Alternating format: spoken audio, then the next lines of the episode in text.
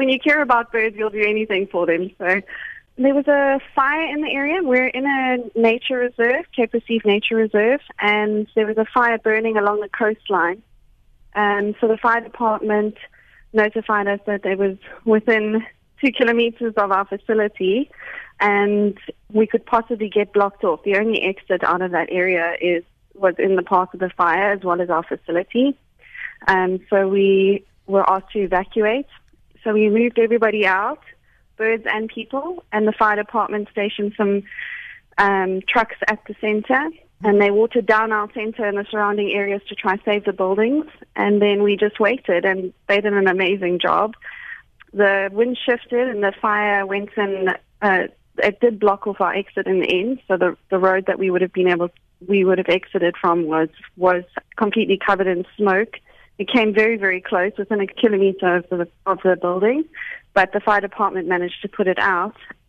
Yeah, so all in all, we're very happy our center was spared and that our birds are all safe. Maar wat gemaak met 'n klomp voëls? Web sê jy huisves hulle by jou huis in die tuin en in die motorhuis. They surprisingly quiet once once it was dark, they did settle down, but of course, at the crack of dawn, they start braying like donkeys. So it was it was interesting when they were awake. And then we had one um, heron chick in the garage that wouldn't keep quiet, mm-hmm. so we had to feed him and cover him with towels to try and calm him down. But once he had a full tummy and he was completely there was no people for stimulation, he he did quiet down.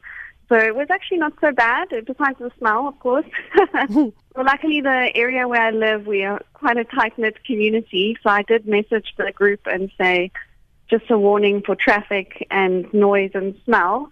And then my direct neighbor here phoned me in the morning and said she thought she was going completely crazy because she could hear donkeys and was wondering if I had rescued any donkeys because the the penguins were sounding like donkeys when they bray. Other than that, everybody was really happy to help. So Web sê al die voëls is weer terug by die sentrum. yeah, the fire department notified us at three o'clock yesterday that we could move back. So we Uh-huh. moved the birds that were in our back garden yesterday afternoon, and then the ICU, intensive care unit birds, which were in the garage, only moved this morning.